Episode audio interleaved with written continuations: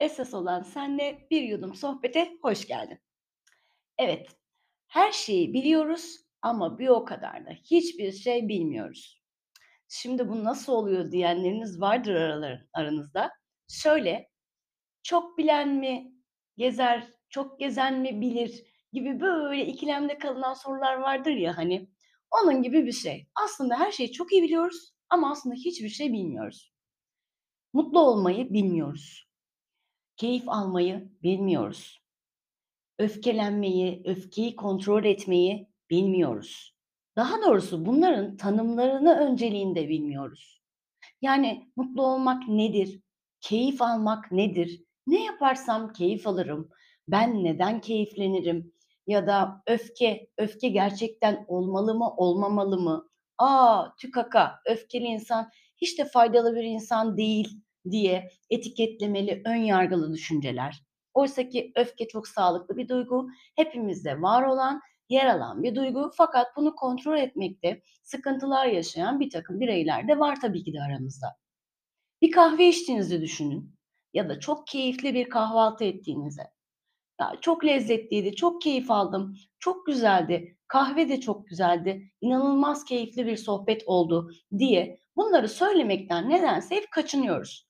Ya da çok önceliklerimizin arasına girmiyor da diyebilirim aslında.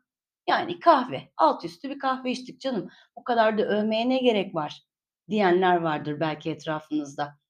Ama o an yaşadığınız haz, duyduğunuz ya da Eee, kahveni yudumlarken geçirdiğiniz zaman dilimindeki enerjinizin, negatif enerjinizin boşalımıyla beraber depoladığınız enerji, o huzur, o keyif farklı ve bambaşka ve bunu dile getirmekten nedense ya böyle, eee, toplumsal baskılardan çekinip de "Ya, amma abarttı, alt tarafı bir kahve içiyor, içen var, içmeyen var." gibi yargılamalara girecek diye söylemiyor ya da gerek duymuyor. Örneğin üzülmek, üzüntü, yani üzüldüğümüzü dile getiremiyoruz. Nedense hep böyle bir dik durma, hep bir kuyruğu dik tutma. "Yo, iyiyim, her şey yolunda, sağ ol." falan. Ya, üzgünüm, tadım yok, keyfim yok, teşekkür ederim deyip bunu dillendirmekten kaçınıyoruz kimi zaman. Kimi zaman da, işte, eee, nasıl diyeyim size, paylaşmaktan kaçınıyoruz aslında. Temelinde belki de bu var. Yani sevgiyi, üzüntüyü, mutluluğu öfkeyi, bir şekilde bunu dile getirmekten, kötü anlaşılmaktan, olumsuz etiketlenmekten de mi korkuyor olabiliriz acaba?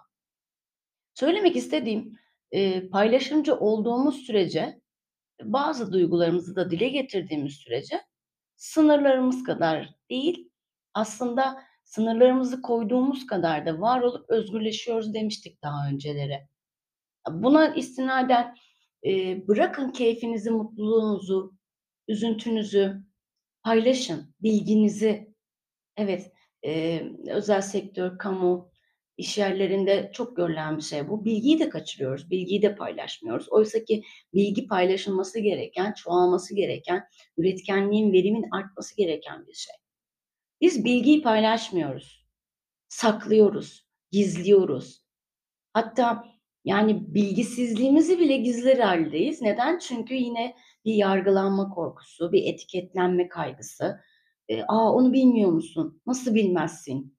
Sanki böyle, eee, dünyadan kopmuş, hiçbir şeyden haberi yok, eee, tavırlarla size, eee, muamelede bulunacaklar diye bir kaygı. Sosyal fobinin içinde de yer alıyor aslında. Bu nedenle lütfen bildiklerinizi paylaşın. Hissettiklerinizi, eee, duyduğunuz ilgiyi, alakayı bir şekilde iletişimle paylaşın. Bilmediğinizi de bir şekilde ortaya koyun. Bilmediğin anlamında söylediğiniz şey eskilerin bir sözü var biliyorsunuz. Yani bilmemek ayıp değil, öğrenmemek ayıp. Yani sevginizi, her şeyinizi paylaşın. Bilgiye de, öğrenmeye de açık olun ve gelişime de açık olun. Bu dünyada birçok kişi sadece mevcut, ııı, statüsünde bildiği kadarıyla yaşamını sürüyor ve sonrasında da mutsuz olduğunu, hiçbir şeyden keyif almadığını, hayatın çok anlamsız, verimsiz, saçma bir hâl aldığını ve bununla ilgili de ne yapacağını bilmediğini söylüyor. Oysaki o kadar çok şey var ki hayatınıza katacağınız, kendinize katacağınız, gelişiminize katabileceğiniz, ileride lazım olmaz ya, ne gerek var bu bilgiye dediğiniz şeylerin bir gün karşınıza çıkıp, "A, nereden çıktı bak, işte, eee, kıymete bindi ve, eee, değerli oldu, işe de yaradı." diyebileceğiniz durumlar da olabilir. O nedenle, eee, birey olarak kendinizi var ettiğiniz sürece mutluluğun tanımı sözlüktekiyle sınırlı olmadığını, üzüntünün insanların "El âlem ne der?" baskısıyla etkili olmadığını, evet, bazı enerji uzmanları, böyle, videolarını görüyorum, karşılaşıyorum, belki sizler de onları dinliyorsunuz, izliyorsunuz. Bazı şeylerimizi söylememiz gerekiyor. Planladığımız, hedeflediğimiz, eee, bir program içerisine koyduğumuz bazı durumları söylememiz gerekiyor, doğru. Çünkü söylediğimizde zaten bizim bilinç dışımız da onu olmuş gibi kabul ettiği için ne yazık ki, eee, eyleme geçemeyip ertelemeye, eee, geçmiş oluyor.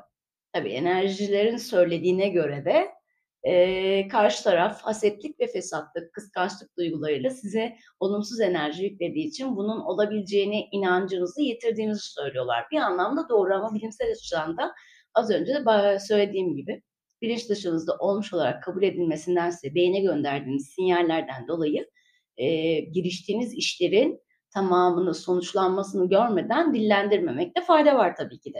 Ama basitleştirilmiş